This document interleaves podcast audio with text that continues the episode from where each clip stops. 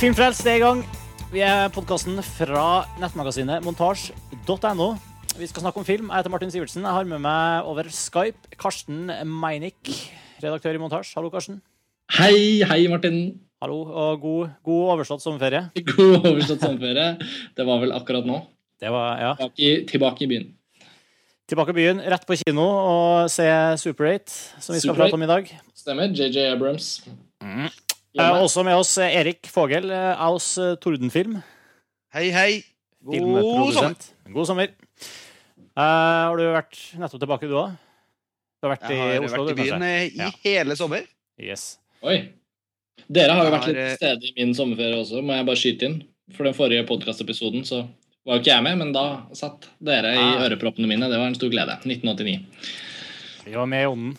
Ja, så jeg bare sender over en liten kudos i offentlighetens Så der hvor jeg, og jeg, jeg så deg jo på vei inn på Super 8-visning, eh, Karsten. På søndag. Og jeg jeg så deg så vidt.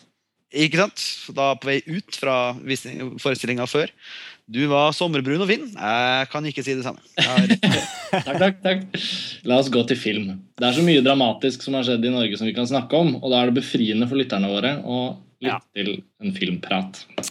La oss det. Vi hopper rett på, på filmen. Uh, Super 8, altså. Vi har jo Vi gleda oss jo veldig til at det skulle bli den store sommerfilmen. Eh, Det er av åpenbare årsaker eh, produsert av Steven Spielberg. Nå har han riktignok produsert eh, ganske mye forskjellig, men det virker liksom som det her har vært en sånn eh, mer fullblods Spielberg-film enn mye annet vi har sett. Og så regissert av JJ Abrams, som, er, ja, som vi har eh, fått mye fra de siste, siste årene. Og, og, og Super 8 kom jo egentlig ganske seint til Norge, av en eller annen merkelig grunn. Mm.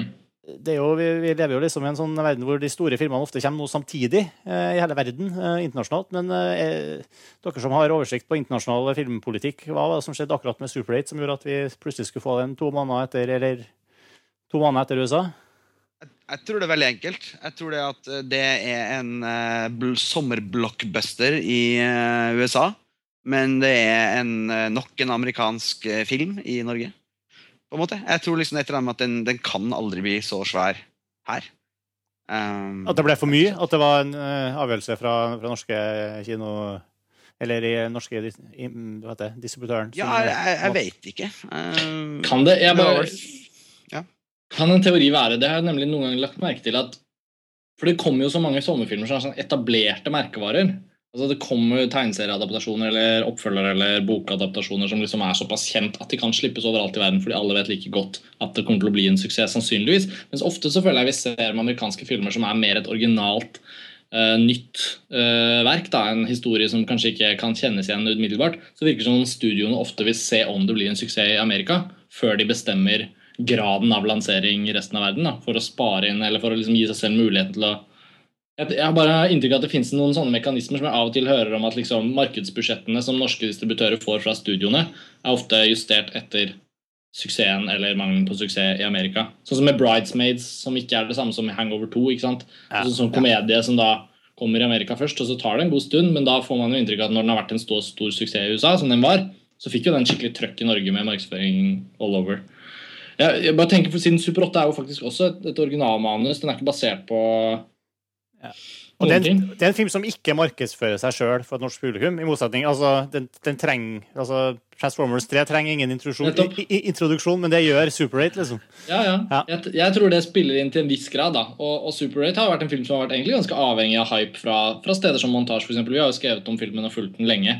Og, og det er nok ikke bare fordi, fordi den tematisk og innholdsmessig sett har virket spennende, men det er jo også fordi vi ser at uh, se konturene av et drømmeprosjekt litt for JJ Abrams, som har gjort to franchise-filmer, Mission Postpods 3 og og Star Trek, og så har han selvfølgelig stått bak Lost og sånn, så er det Spielberg som produsent, men liksom Hele filmen har også vært lansert litt på samme måte som Cloverfield, som også var sånn ingen kjente skuespillere, man visste ikke hva filmen handlet om. Det er jo det samme med Super 8.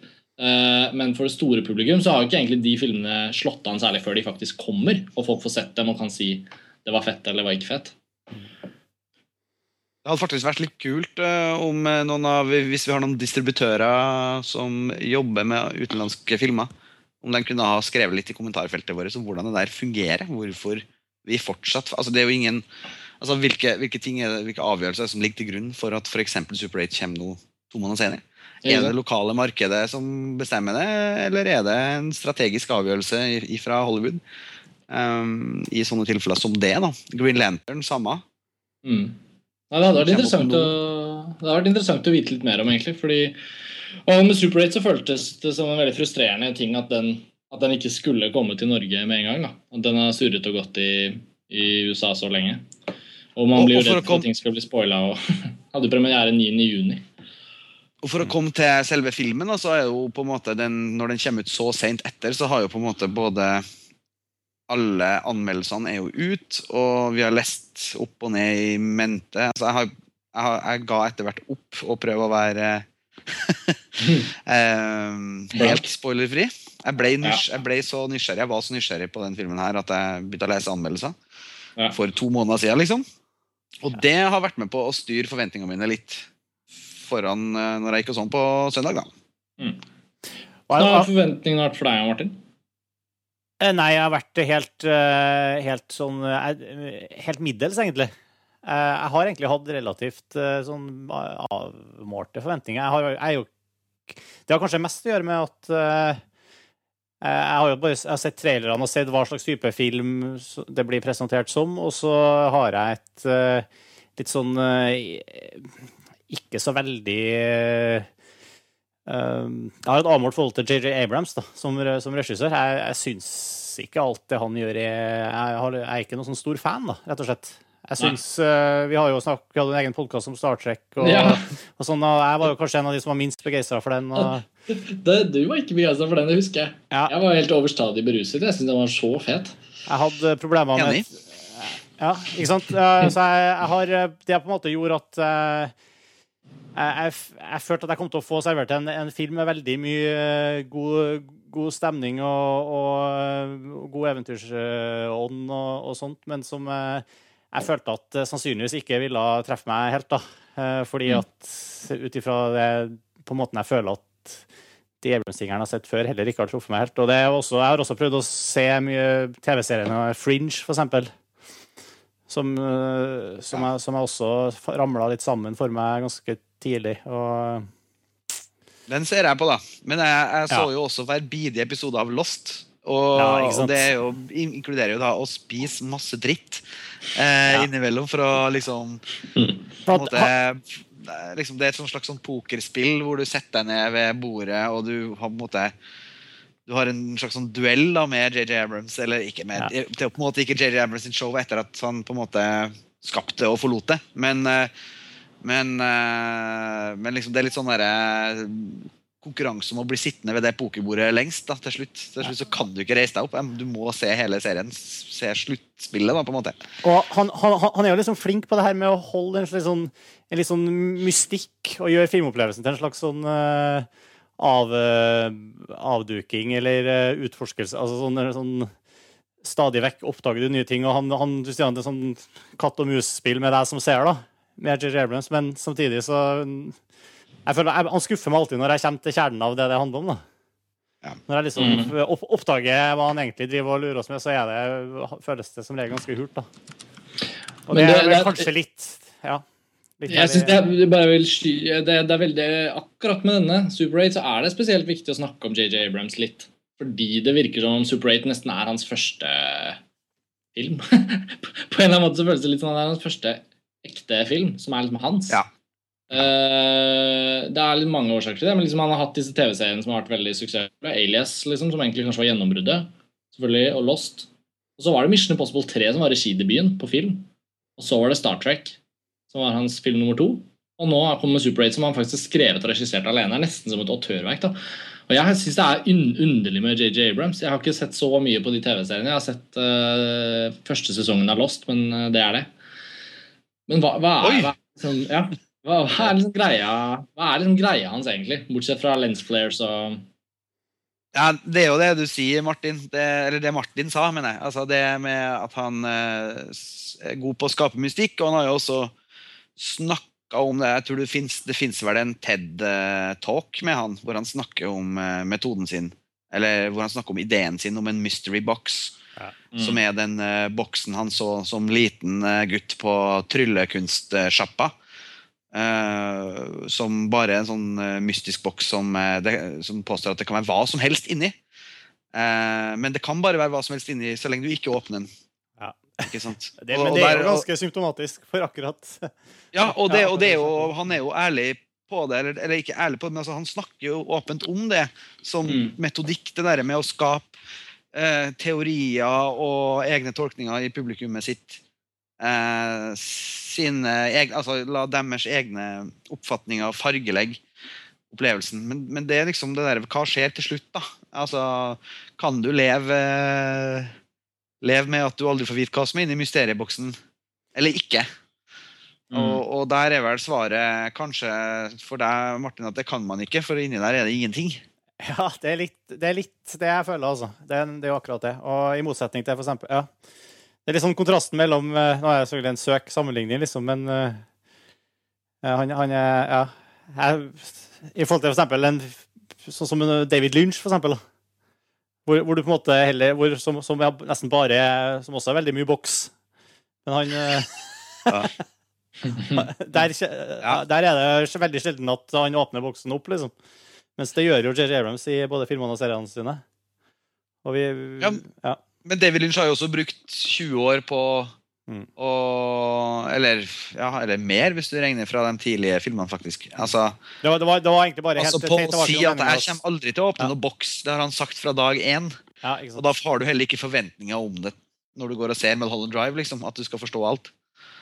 Eller Nei, men da, men da fungerer det sannsynligvis til Mulholland Drive sin fordel, da, mens jeg føler at, Ja, ikke sant? at det fungerer sjelden til Abrams sin fordel at, at, eh, at vi faktisk eh, trenger gjennom eh, mysteriet i løpet av filmen eller TV-serieepisoden eller Men det har nemlig, det har begynt å skje med meg. da. Altså, jeg er mer positiv til JJ Abrams enn deg, helt åpenbart. Men eh, for, Også fordi jeg likte eh, Star Trek veldig godt. og, eh, og sånn. Men, eh, men eh, jeg begynner jo nå å ikke forvente at det skal være så mye inni den boksen.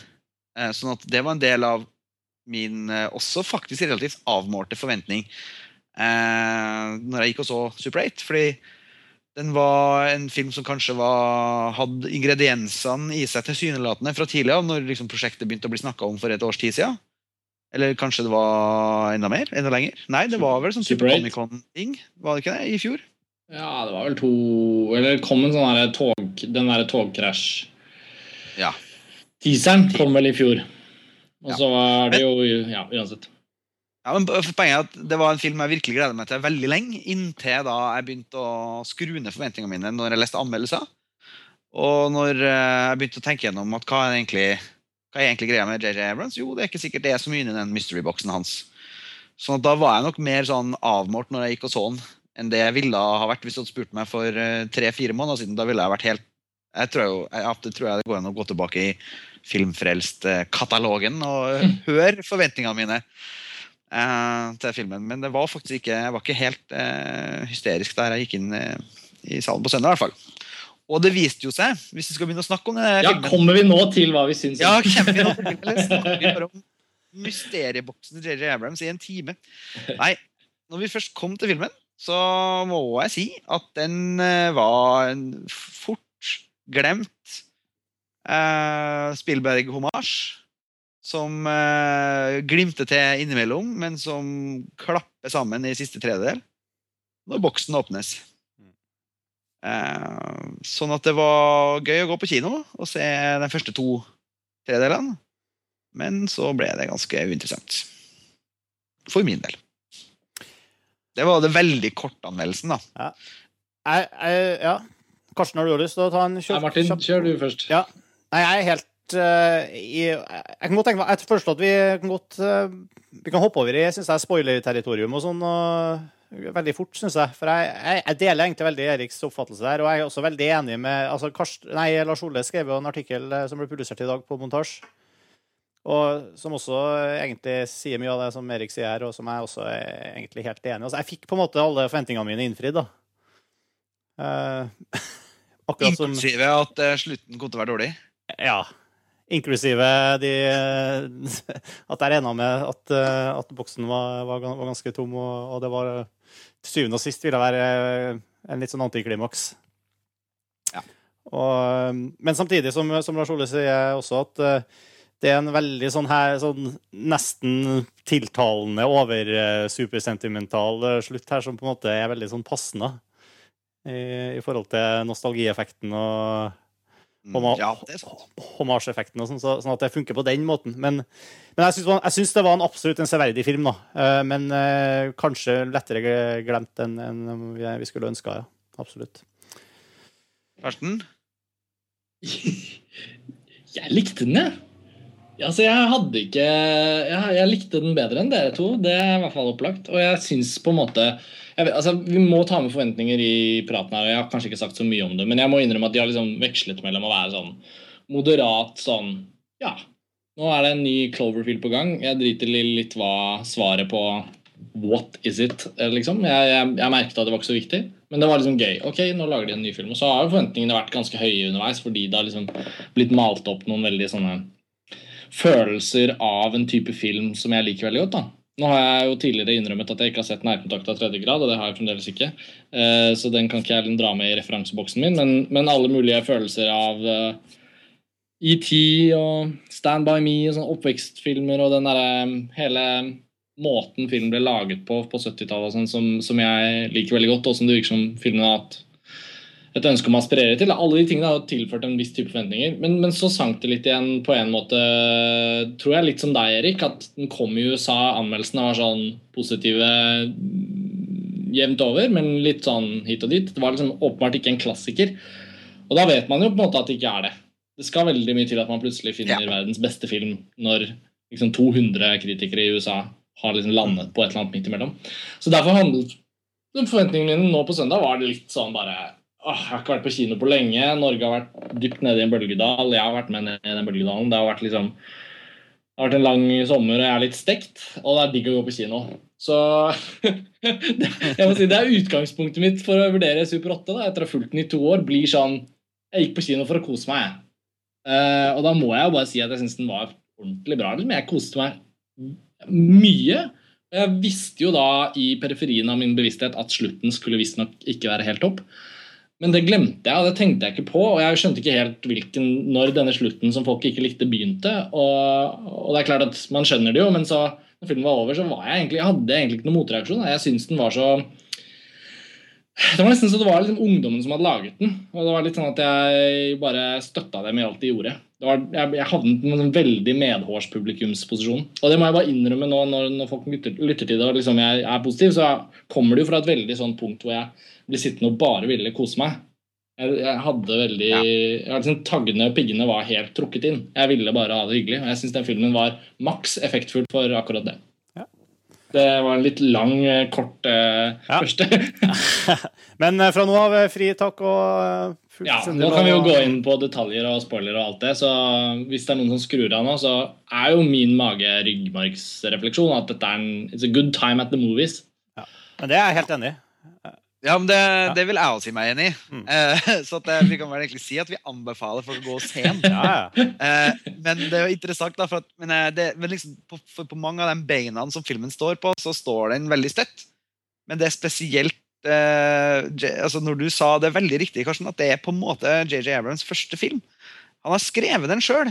Uh, han hadde ikke skrevet Star Trek. Han hadde ikke skrevet Han var vel med å skrive Mission Jeg tror han var med å skrive den, hvis jeg ikke husker feil. Men uh, ja jeg tror ikke det var hans. Ja. Men det her er hans. Det er bare hans. Ja. Så her er liksom, Det er på en måte testen ikke bare på han som eh, regissør, men også som forfatter. Det er der jeg syns han går på trynet. Men som regissør, som instruktør, ja. så syns jeg han har gjort en eh, glimrende jobb med, med den eh, hovedsakelige uh, veldig unge unge skuespiller ja, unge og ukjente skuespillere han har med, bortsett fra El Fanning, som selvfølgelig er MP-proff. Ja. Men jeg, der er jeg utrolig enig med deg. Jeg føler filmen splittes der. Den har ja. ikke In the end altså, Det er jo det som er kanskje den dårlige med slutten. Da, at liksom, når dette mysteriet skal bli en del av historien, så er den historien utrolig utviklet og ganske døll. Men den ja. historien vi får bli kjent med i den første halvdelen av filmen, som handler om kids som har det vanskelig, og som kommer sammen på filminnspilling og som gjør så godt de kan, det er dritrørende. Og for oss som holder på med film, så er det jo også relaterbart og, og superkoselig. Og han lykkes jo, som du sier. da. Instruksjonen er kjempegod. Og, og så tror jeg, det, jeg tror det er litt sånn feil, feil eh, fokus der med slutten òg. Altså, det er liksom ikke Som du sa, det er vanskelig hvor begynner den slutten som alle viser. Det er jo ikke, slutt, det er ikke det slutten i seg sjøl. Det er mer at alle de eh, Det meste med filmen som har med med, med selve den eh, alien-aspektet ved historien, er ganske uinteressant. Eh, og, og, og er det som funker dårligst, og at, og at alt det andre egentlig funker jævlig bra. Mm.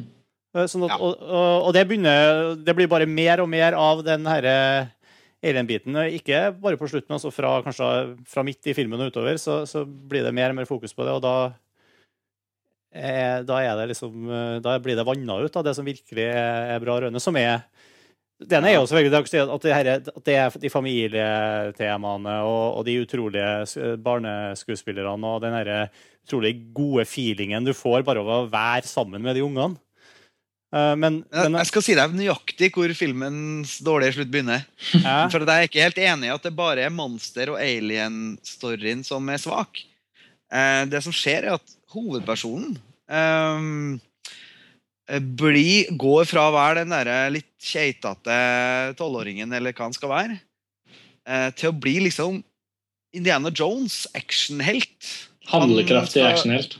Ja, han skal redde han, han går totalt mot eh, den karakteren som er bygd opp. En ting er at greit, Han har fått selvtillit, og, sånn, eh, og han har jo selvfølgelig en, en relasjon til El Fanning sin karakter. altså Han er jo forelska, så det stuper etter. Men i forhold til hva, og, og der mener jeg faktisk at filmen skiller seg fra 70-tallet, eller sen 70-talls og tidlig 80-talls Amblin-greieren. altså, den der, altså, Amblin og 70-tall det slutter for meg i hvert fall med én gang den togkrasjen skjer ganske tidlig i filmen. Hvor JJ Abrams bare pøser på med CGI-tog som krasjer og krasjer i mange minutter. Mange, og det pluss mange flere sånne scener som bare rett og slett ikke kunne blitt gjort eh, på 80-tallet. som blir, Det blir en spesialeffekt-ekstravaganza innimellom. Eh, men greit nok, vi henger med, fordi den personlige historien mellom eh, mellom eh, ungene er fortsatt eh, ganske bra. Men så kommer altså det her med at de, eh, de har sluppet monsteret ut. eh, De, har, de er nødt til å avslutte historien med den. Og da, og da har de eh, latt eh, jenta bli kidnappa av dragen, ikke sant? og så må helten ri inn i hula og bokstavelig talt da, og redd hun ut. Og det blir så utrolig eh, Eh, Vi har sett det 1000 milliarder ganger uten at han har laga noen ny vri på det. Og det er helt, mener jeg i hvert fall opp, at det er helt imot det en, en karakteren her ville ha vært i stand til. Han ville ha vært men det er jo liksom hele, Sånn hele siste akt, da, egentlig. Det er jo ikke bare ja. Ja, for jeg har veldig medfølelse med han. Alle, jeg tror liksom, jeg regner med at dere er enige at liksom, det er lett å leve seg inn i, han livssituasjon, i hans livssituasjon. Eh, og i situasjonen han kommer opp i, den der litt sånn keitatheten overfor hun jenta, og liksom den der småkrangla med han regissørkompisen. Og det er sånn masse gjenkjennelig småbyliv eller, eller småbarns barneliv da, som bare er kjempebra. Men hvis jeg hadde møtt det her monster-alien-dyret der i, på en mørk natt på, i eh, hjembygda mi, så hadde jeg kommet til å blitt traumatisert for livet og ligget i, i, i veikanten og, og, fråda.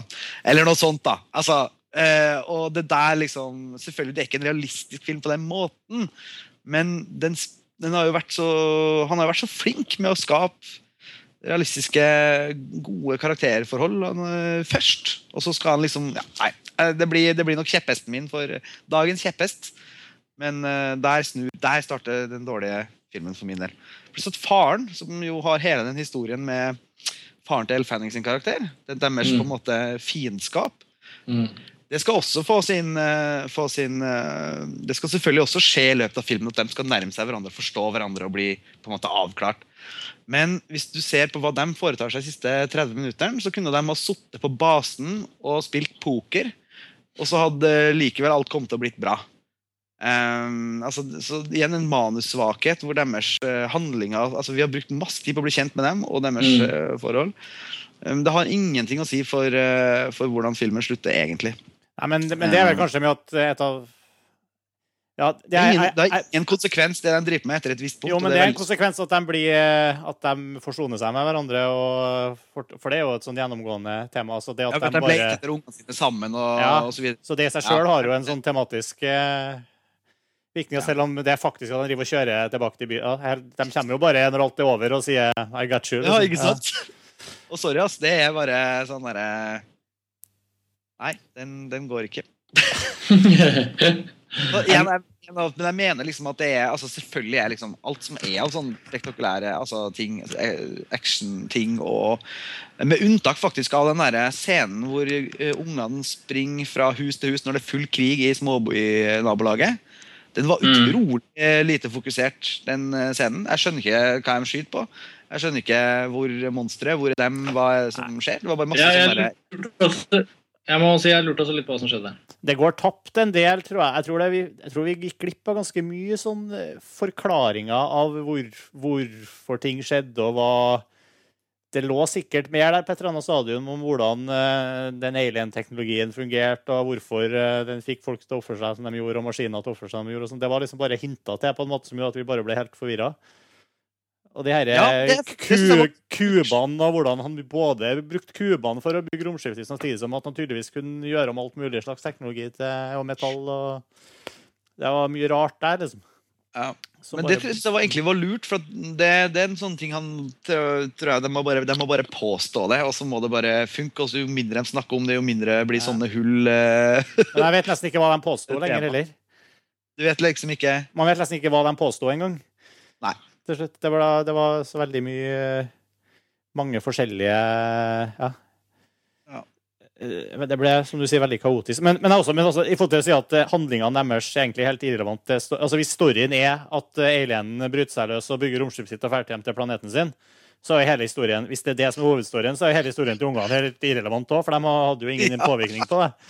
De Nei. gjorde jo ikke noe som endra løpet til romvesenet sin historie. Så Nei, det, det er også på en måte svakt. Du kan også si at det, Kanskje er det historien om hvordan dere, ungdomsgjengen faktisk fikk laga ferdig filmen sin. Ja. Eh, Det får, de jo, det får man jo se til slutt. Som er jo et veldig høydepunkt. fullstendig utroverdig etter at de har vært med på å sette dette alien-monsteret her ødelegge hele byen deres og bli skutt på, og de har bare opplevd alt mulig rart. Så lager de den ferdig uh, with a straight face etterpå. Det, Det, kom igjen, det klarer de. The show must go on. Ja! Nå er jo alle, nå er jo alle forstår jo at det var kidsa som var de smarte. Så det er klart de voksne stilte opp og sikkert fikk litt gratis fremkalling. Det var Production value. Production value! Du! Ja, jeg, jeg, men jeg må, nå må jeg få lov å kommentere, da, for dere har jo på mange måter rett um, Det er jo ikke noe vanskelig å pille denne filmen fra hverandre i forhold til logikk og i forhold til det er, Jeg kan ikke si at jeg er uenig i alle de tingene, men samtidig så tenker jeg liksom, i hvert fall det der spørsmålet om at hvem er det en historie her, så må vi jo liksom Det er jo opplagt at det er ungdommenes historie. Alt ligger til rette for det. Jeg er enig i at Abrams ikke lykkes i å finne den riktige måten å anvende mysteriet på for at den faktiske historien skal få komme frem. Altså det at, det at det er en vennskapshistorie, det er en liten kjærlighetshistorie, og det er ikke minst en far-sønn, altså familie, altså gjenforeningstype. Vi, vi er jo glad i hverandre oppi alt. Fortelling. Og, og, og katastrofen som rammer småbyen, kan jo også tolkes som en slags sånn kulminasjon av katastrofen som har rammet den lille familien med at han har mistet moren sin, og han har mistet kona si, han faren. Så det er jo liksom mange sånne tråder som liksom er ment å virke opp og inn imot hverandre. Og jeg er helt, helt enig i at når de bruker veldig mye tid på å plutselig mytologisere monstre og forsøke å gjøre det til en større fortelling enn det faktisk er, da, da feiler de. Altså, ide, ideelt sett så hadde så klart å skape en følelse av at det monsteret, altså denne ulykken, er skapt av ungdommene på en eller annen måte. At den bare eksisterer inni deres film. Men isteden så eksisterer den jo først og fremst inni JJ Abrams' film. Men jeg tror kanskje deres historie hadde blitt mye sterkere hvis de styrte innholdet i denne filmen som vi har sett. Mye mer, da. Mm. Jeg liker jo veldig godt elementet med at de lager den filmen. Det er jo det som er eh, det aller beste med hele Super 8. Er jo hvordan de ungdommene fungerer mellom hverandre. Hvordan forholdet mellom hovedpersonen og hun jenta spilt av Elle Fanning fungerer. Altså Alle de tingene er kjempebra. Eh, Så analytisk sett så ser jeg jo veldig godt hvordan hvordan monsterhistorien, når den skal ta over og bli liksom seriøs, og vi skal plutselig ta den på alvor, så blir det jo liksom en, litt en annen film. Og det er veldig lett å se. Men i, i filmen så klarte ikke jeg å reagere på det. Da følte jeg veldig at jeg var i theme park-riden og, og liksom hang på. Og jeg syns heller ikke det er, det er ikke så avgjørende at han gutten aldri ville klart Altså Jeg vet ikke. Det blir litt sånn Altså, It's a movie, man! Ja, jeg vet det. Det høres ut som en sånn nitpicker-idiot. Men, eh, men eh, jeg syns det ble eh, Ja, det var bare sånn Han gjorde det. Altså, han, han blir den der ridderen til slutt fordi, Ja, fordi fordi. JJ Abrams trenger å, treng å avslutte filmen sin, og ikke fordi eh, karakteren trenger treng det. På altså, ja, han kan si at han trenger å trenger å redde hun dama, liksom. Men, Men, ja. men altså, se, se forskjellen på altså, Som du sier, altså, vi mener at det er, liksom, det er manusmessige ting mer enn det altså, Det er en veldig Ja, underholdende ja, At det er det er det. ren, rene manusproblemer. Liksom. Og, men, det- jeg, for, jeg forventer mer, da. ja, Av bare, toppklassen i Hollywood, liksom med Spielberg og Abrams. jeg, bare, jeg har lyst til å bare trekke parallell tilbake til forrige podkast. Det er jo en del likhetstrekk her mellom eh, eh, det som skjer i slutten av filmen her, og, og slutten av The Abyss. Hvor eh, man møter romvesenene. De skal wreck havoc og ødelegge og eh, være skikkelig badass mot menneskeheten. Men så ser de i ett menneskets eh, mot og kjærlighet og godhet at her er det håp likevel, og dermed forandrer hele verdens skjebne seg. liksom. Det er jo litt det samme som skjer på slutten her, bare at det har ingen konsekvens nesten i filmen i Super 8. da. Det er en, de, de redder seg sjøl. Han, han dreper ikke ungene før han stikker. eh. Altså, en, en, særlig, sånn, en særlig merkelig ting i Super 8 er jo også parallellen til ET, som har vært en så åpenbar inspirasjonskilde. Bare når to kids sykler i Super 8, så får man en helt sånn ET! Jeg følte liksom det var sånn det var så obvious. Mm. Uh, og i ET så er det også en veldig lignende parallell med, med dette romvesenet som egentlig bare vil hjem, og som ikke mener noe ondt. Men at det er menneskene som, det er menneskene som skaper frykten, på en måte. Ja, og de, de eneste som skjønner den, er barna. Og, Eh, Ikke sant? og Men- men- menneskets ondskap er representert ved militæret som er etter å ta Men det er jo liksom problematisk da at disse barna i Super 8 selvfølgelig aldri får møte eh, den kule alienen før, før de bare bestemmer seg for at den skal være kul. Så det er klart at hvis de på innspilling på togstedet der, togulykken, hadde klart å møte alienen og skjønne at alienen var snill, da hadde det jo vært et helt annet prosjekt. Da har ikke JJ fått boksen sin med mysteriet, vet du. Eller ja. Men det er jo Tyner merkelig Det er jo er jo utrolig vanskelig og kanskje litt urettferdig å sammenligne med ET. Men det er jo jævlig rart hvordan Spielberg den gang lyktes så godt i å liksom Det var jo en mystikk rundt ET gjennom hele den filmen. uansett selv om vi kjente den lille tassen godt og ble liksom sjarmert av han og Det er jo en helt annen type alien enn det vi ser i Super 8, men Men den har ikke den der action, det der behovet for det. er Straight drama, liksom. Det, ja, det er ikke noen eksplosjoner. Det er ikke den der action-greia. Og vi klipper i Super 8 så klipper vi hele tida til sånne småscener hvor vi ser byens befolkning bli drept eller lemlesta eller, eller liksom Ja. ja, eller kidnappa. da. Walkman-scenen. Ja, for eksempel. Og, noen er, og de er veldig bra gjort, mange av dem, i seg sjøl. Men, Ja. eh, men, eh, men det er liksom Det er ikke scener som ET. Men jeg, jeg, jeg synes også at selve settinga er veldig bra gjennomført. Jeg liker veldig godt den den småbysettinga de har eh, skapt. Syns jeg i hvert fall funker veldig, veldig bra. Og, og Mm. det er en veldig sånn god eh, God eh, feeling som vi, som vi husker fra de filmene som vi nå har snakka om. At, at, Mm. eh, og tidskoloritten, for å bruke det, det som er også veldig sånn Jeg føler at det er veldig vellykka her, da. Eh, og, Det er det. Og, og, Og det ikke er- minst Unnskyld. og, og, og ikke minst En ting er ute i byen og på bensinstasjonen, og sånn, men også bare sånn som er sånn veldig sånn som jeg føler som, veldig sånn, uh, husk, som jeg husker veldig godt fra filmer som uh, Close Encounters og sånn. Det er altså i, inni hjemmene til folk og liksom det, det kaoset som er på gutterommene og, eller på barne... Der hvor barna Ja. oppfører og oppholder seg, og alt det her er litt sånn nesten overdrevne, ektefølte familielivskildringene. Liksom. De, de syns jeg funker utrolig bra her også. Enig. Det er Jeg syns ikke Spielberg-refereringa er hysterisk. Det er ikke hysterisk mye av den heller. Det var faktisk mindre enn jeg hadde frykta. Mm. Altså, i forhold til eh, sitatene. Det, det er liksom småsitat i musikken til Michael Giacchino. Og det er enkelte bilder og, sånn, eh, og sånne ting. Men det, for meg er det ikke at, at han sykler BMX da er vi i ET. Da er det mer at det er, da er vi i den tida, mer faktisk. Eh, en ting, enerverende ting er filmens siste shot. Um, den er veldig ET. Ja. Den er veldig direkte stjålet, um, syns jeg. Med, og inklusive musikken og alt. Men, uh, men det, var, det var mindre enn jeg frykta, den greia der. Og herregud, de er jo til å eh, Altså, de er jo bare til å spise opp dere, den der ungdomsgjengen. Mm. Eh, de er jo det. ja. Yes.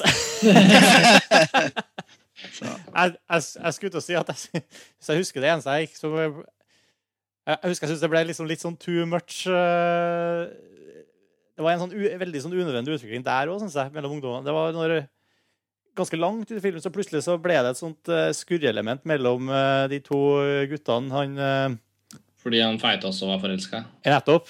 Det, det kom veldig sånn eh, Jeg vet ikke, jeg syns det satt ganske dårlig. Ja. Det kom veldig sånn påklistra, unødvendig oppå hele som la på en sånn Det Eh, sånn- sånn- sånn, eh, en på- påtrengt konflikt der, da. Ja.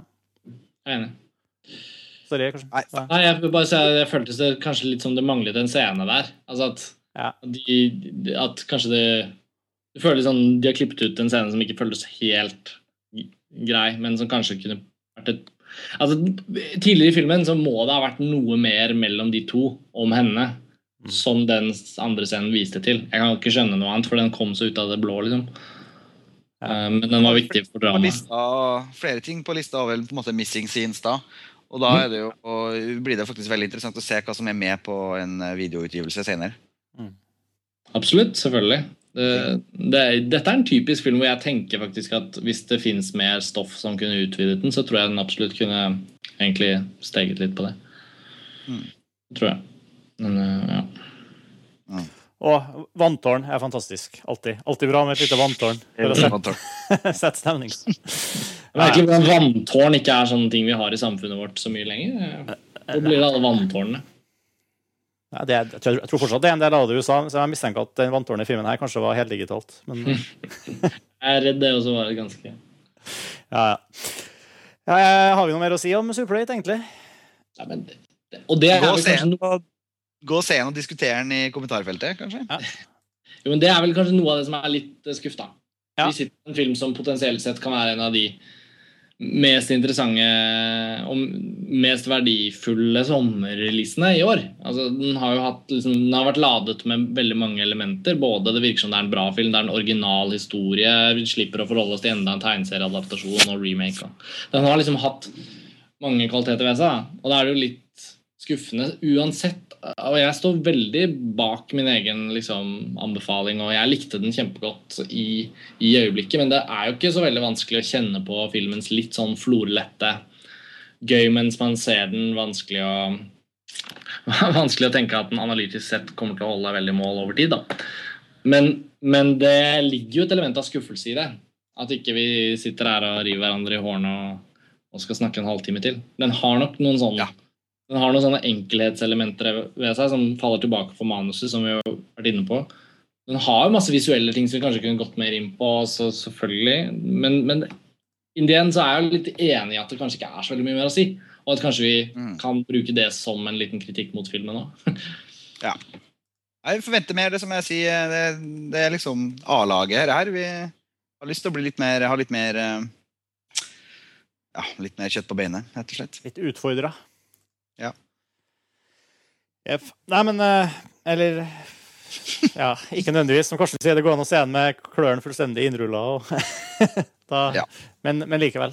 Ja, det er good time at the movies. Jeg tror Det er det. Mm. Ja, og det er hyggelig på rulleteksten, og det er en morsom film de kidsa har laget. Og, ja. Det er ikke noe, Du tar ikke skade av å se den, og det er ingen som kommer til å føle at det var liksom a waste of time. og alt det der. Faen hvor mye engelsk jeg snakker nå, sorry. Men uansett. Problemet er at den ikke er noen stor, stor film, og det lover kanskje ikke så godt for JJ Abrams' eventuelle autørskap. Han blir ikke noen ny Spielberg, for å si det sånn. Nei, en klassisk terningkast fire har det slått meg. Ja, Det er liksom, er litt med på den. Vi er, vi er vel enige. Det høres ut som vi er enige. Vi finner nesten ikke noe å krangle om engang. Så kjedelig en. Ja. Uff. Eller så grei. Eller så grei. Um, skulle vi ta en liten runde med Det, det har jo vært med ting vi har uh, snubla over. Om vi kan trekke, kanskje trekke fram én interessant ting hver vi har sett som ikke er Super 8, uh, siste som er verdt å si noen ord om før vi tar konkurransen og avslutter? Ja, det har jo vært en lang sommer. Ja. Uh, forrige podkasten var jo 1989, så det var jo ikke en sommerpodkast. Hvordan har somrene vært? da? Har dere fått vært mye på kino, dere? eller? Lite, men jeg har sett litt film i heimen. Jeg så Rango her eh, nylig. Animasjonsfilm eh, faktisk eh, som jeg hadde veldig liksom, lave forventninger til fordi det er Gore Verbinski som regisserte Pirates of the Caribbean-filmene. Hans Mm. debut som animasjonsfilmregissør. Han var jo på kino for sånn fire måneder siden. Fire-fem måneder Ja. siden eller sånn. Eh, med Johnny Depp i eh, hovedrollen som en kameleon. Da kaller seg for Rango, som springer Mm. gjennom ørkenen i en slags sånn western-pastisj. Eh, Sergio Leone, mye Sergio Leone-referanse. Faktisk litt for mye. Eh, den eh, utmerker seg også til å være den første animerte spillefilmen fra ILM, fra Lucasfilm eh, sitt eh, underbruk, som driver med spesialeffekter og visuelle effekter til vanlig. Mm. Eh, og den var kjempebra. Kult. Mm. Veldig anbefalesverdig. Frisk eh, animasjonsfilm i forhold til at den den, eh, den er, den er, det er ikke en Pixar-film, det er ikke en kopi av en Pixar-film. Det er ikke en uh, Dreamworks-film. Det er, en, det er en sin egen film. Uh, mye mer uh, vågal, syns jeg, på, på både design og innhold enn veldig mye av det vi har sett. Um, ja, og på form også. Altså, den er skummel, den er morsom. den er Nei, det er en sterk anbefaling om å se Rango. Okay. Jeg har hørt mye bra om den, så jeg klarte aldri å komme meg på kino, men nå er den jo på DVD, ser jeg. Jep. Eh, Mm. Excellent. Men okay. Det var den som er friskest i mine, i hvert fall. Ja. Jeg jeg har også vært lite på kino. Jeg kan si at jeg, men jeg har sett en del film, litt film igjen. Eh, Særlig én som jeg tenkte jeg kunne bare gi en sånn eh, kjapp mini-review av, kanskje. Jeg har um, en film som gikk rett på DVD her, da. Eller som, som ikke fikk kinodistribusjon, i hvert fall. Eh, Mm. eh, det er en kar som heter Howard Marks. Som er en Ja, som er en, egentlig en legendarisk, verdensberømt tidligere hasjsmugler og nå forfatter og omreisende komiker og sånn. Så det ble, han har skrevet en, en bok som, eh, som jeg har eh, lest, eh, som er veldig, veldig god. Eh, underholdende, veldig godt skrevet, skikkelig, som for, for- hvor han da forteller om, sine, om sitt liv, rett og slett. En selvbiografi. Som heter Mr. Nice. Og den har ble, Ja. Mr. Nice. Mr. Nice. Og Mr. Nice ble filmatisert i fjor.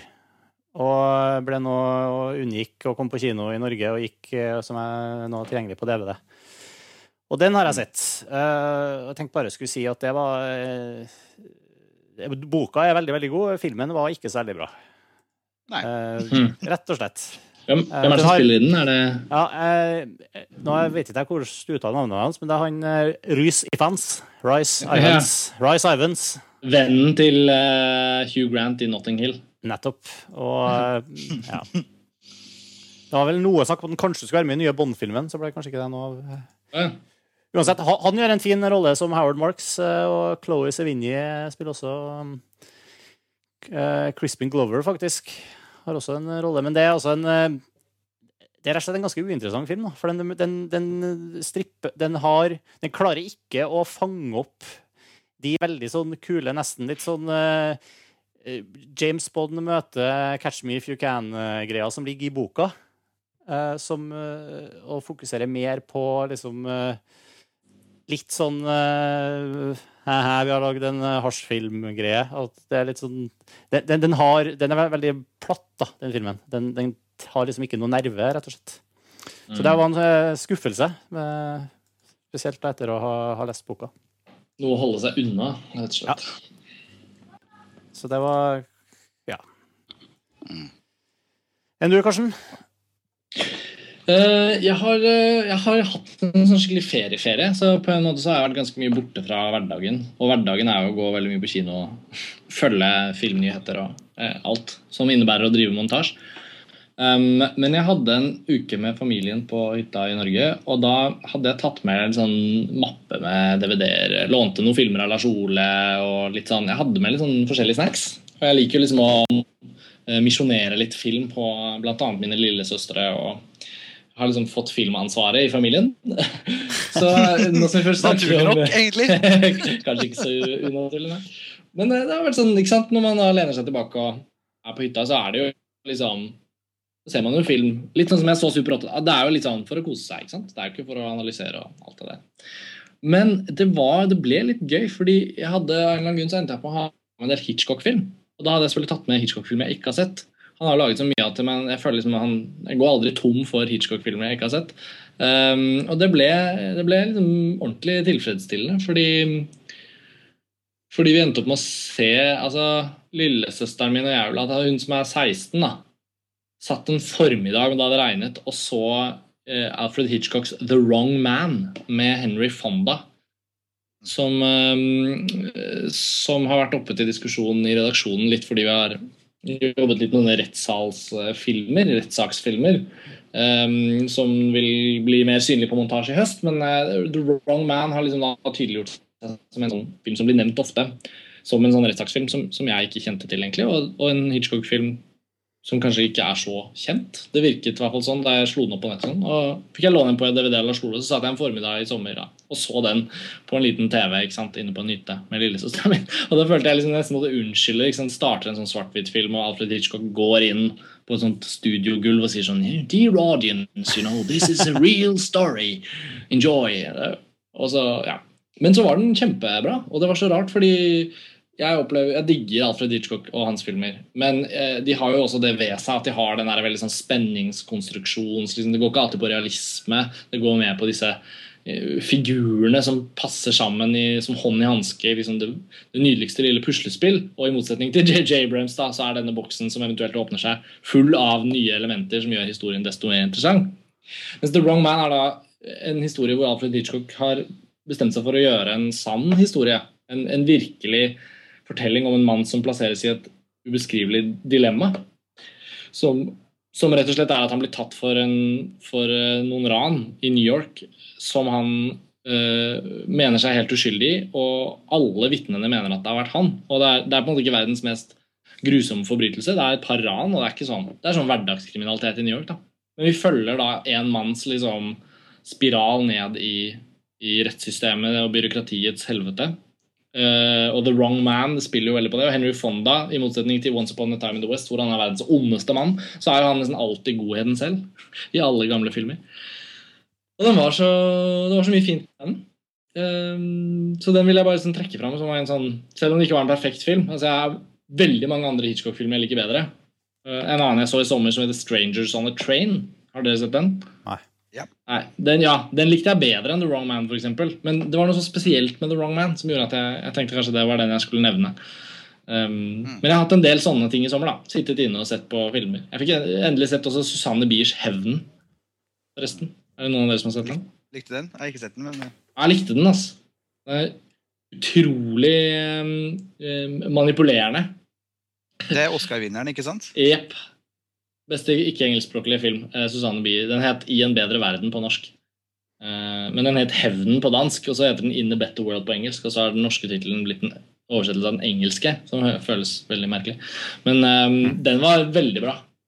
Eh, vi hadde jo en artikkel om den eh, da den kom, men vi har vel ikke hatt noen podkast om den. Kjempebra. Hmm.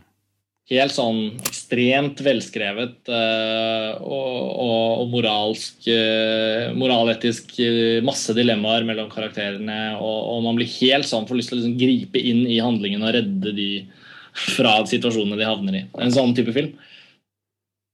Men danskene er gode i å manipulere oss. Ass. Jeg føler liksom at jeg vet hva de vil at jeg skal føle. Og det er jævlig irriterende. Og så bare blir man kastet inn i det. Kan ikke slippe unna. Så det har vært mye DVD da, i regnet. Det har vært liksom vekslende vær når jeg har vært i Norge. Mm. Excellent. Ja. Men sommeren er, sommeren er, jo litt over, er den ikke? Ja. ja. ja. Kino, Kinosommeren kommer snart august. Så kommer det et vell av norske filmer. Jeg kan slenge på toppen at jeg har fått med en annen kinofilm. Jeg har fått med 'Melankolia' i sommer. Ja, det Eller den. før, før den gikk av. Det var rett. Den gikk jo ikke lenge. Mm. Men den, Vi har ikke fått tatt en sånn dybdepodkast om den. da. Vi kunne jo nesten jeg tror vi må spare det. Jeg, bare, sier- jeg, men jeg, lik, jeg, jeg, jeg likte den veldig, veldig veldig godt. Ja, men det er bra. Mm. Har du sett den, eller, Erik? Niks. Og jeg har ikke tenkt å gå og se den på kino. Jeg er Ja, ja. Jeg har ikke vært noe happy med Lars von Trier. på Nei, det er sant, det. Det har vi snakket Det, det, har vi, det visste jeg. Når du, ja, når du sier Det det høres, det, høres, det høres ignorant ut, men, men eh, i en eh, hverdag hvor man skal prioritere hvilke filmer man skal se, så velger jeg veldig sjelden eh, Lars von Trier sine filmer. Ja, men det er fair. Ja. Det jeg har prioritert, og det jeg skulle si på slutt, er at jeg har sett litt, sett litt av de filmene som vi har snakka om før, nemlig Source Code. Har jeg sett. Og så har jeg sett Adjustment Bureau. Så jeg har hatt litt sånn i sommer Ja, så så jeg 2001 igjen her i går. Gikk på TCM. Eh, og da, så det har vært litt sånn sci-fi-sommer, som har vært litt fint. Apropos 2001 og åpne buksen. Ja, Ja, der har du hvilken boks? ikke er jo Kanskje, JJ Abrams burde se litt Løses. andre filmer enn eh, Spielberg-filmer. mm. Herregud, 2001 er bra. Herregud. Ja, ja. Den er helt drøyt. Udiskutabelt.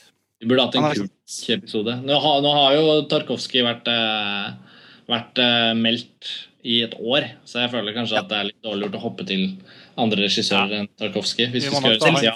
I, I filmfrelst framtid så ligger det i hvert fall en eh, Om ikke en Kubrick-spesial, så eller, eller, altså, Jo, det går an å ta det som en det, da er det så mye å snakke om at da Ja. altså, altså, vi, Med Kubrick skulle man Ja. ha valgt en, en film eller to eller tre. Det er bedre å spisse det inn mot noe spesifikt. 70-talls Kubrick eller 60- og 70-talls Kubrick eller noe sånt. Men det, det ligger i hvert fall mange Det må bli en Kubrick på en måte. Og det ligger jo mye spesialer i vår framtid. Vi har jo innsett at det er kanskje et av de det er ofte de, blir ofte de beste episodene våre. er jo de hvor vi går tilbake og snakker om gamle ting. Og det er det vi får mest feedback på. Det er veldig morsomt. Det er veldig, er veldig gøy også. Det er trivelig. Absolutt. Så det, men vi håper likevel at dere har satt pris på å høre denne episoden i dag også, om Super 8. Ja, Eh, vi må innom konkurransen en liten tur før vi runder av. absolutt. Kult. Eh, sist eh, episode så spilte vi altså Da må vi jo for dere som hører på, gjette klippene vi spiller. Og da spilte vi det klippet her i forrige episode. Hvis jeg får det her til å funke nå. Skal vi se. All right, all right. All right, I get back to ship. I gotta get back to ship, all right? All right, I gotta blow my air tank. I'll blow my air tank. Better work. This shit better work. All right, all right, here I go. All right, one, two, three. Come on, come on, come on, yes! Yes! Yes! Here I come, motherfucker! Ok. Jeg husker da vi spilte her sist gang, Erik, så sa du at du hadde en teori umiddelbart. Mhm. Would you like to share? Ja, er det ikke det her Event Horizon? Det er helt riktig. Oi, kult. Ja. Den har ikke jeg sett, jeg. Oi. Åh, den er Det er en fantastisk. uh, kjempe... Dritskummel. Oi, Ja. beklager. Der kom neste klipp. Det, ja, det, det er faktisk en av de mest effektive horrorfilmene jeg vet om. Uh, Som jeg setter pris på, kanskje, og som er i tillegg science fiction. Jeg, jeg, jeg mener, jeg husker den hadde ganske laber bust da den kom, jeg, så jeg gadd aldri se den. Det vedvarer nå.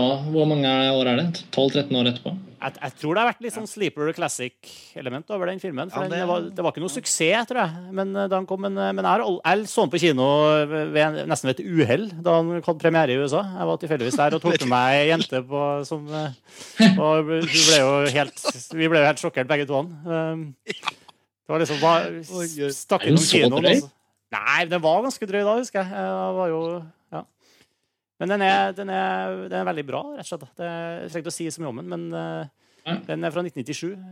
Uh, britisk produsert, så vidt jeg husker. På, Ja, men jeg husker den kom. Uh, Eneste Paul bra Anderson. filmen. eh, Paul W.S. Anderson. Mm, Det er vel det. Mm. Det var litt som i Lawrence Fishburns eh, store periode, det der. Ja. Ja. Han eh, Ja, det er liksom ikke Det er jo også han Neil, Sam Neil er med. Spiller vel hovedrollen. og Som Fishburne. gjør filmen. Var det han plukket roller etter Jurassic Park?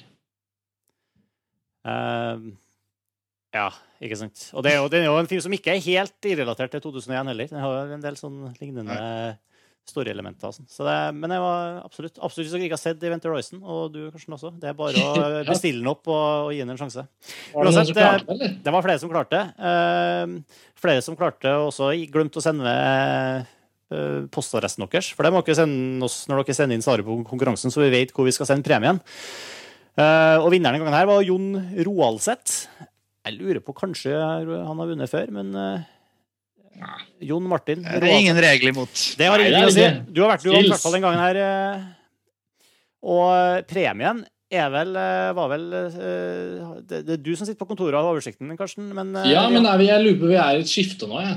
Så kanskje det blir en forundringspakke. jeg tror vi lova ut Arthouse-DVD-filmer, men jeg, er vi Jeg husker, Nå er det vært en lang sommerferie, og jeg Ja. må innrømme jeg er ikke helt, vi er jo ikke helt på, tilbake på kontoret. Nei.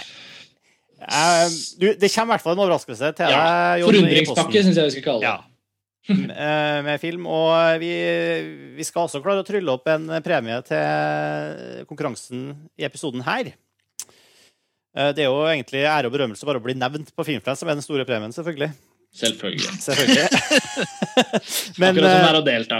og ja, gleden av å delta. Eh, Men, men det er altså, vi skal spille et nytt klipp, og det er om å spise ørene og høre om dere drar kjensel på filmen som det klippet her er henta fra. Game, game. What you got in there? In here?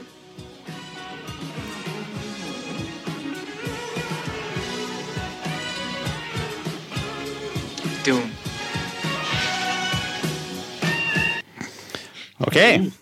Det kan bli en nøtt. Det var en nøtt.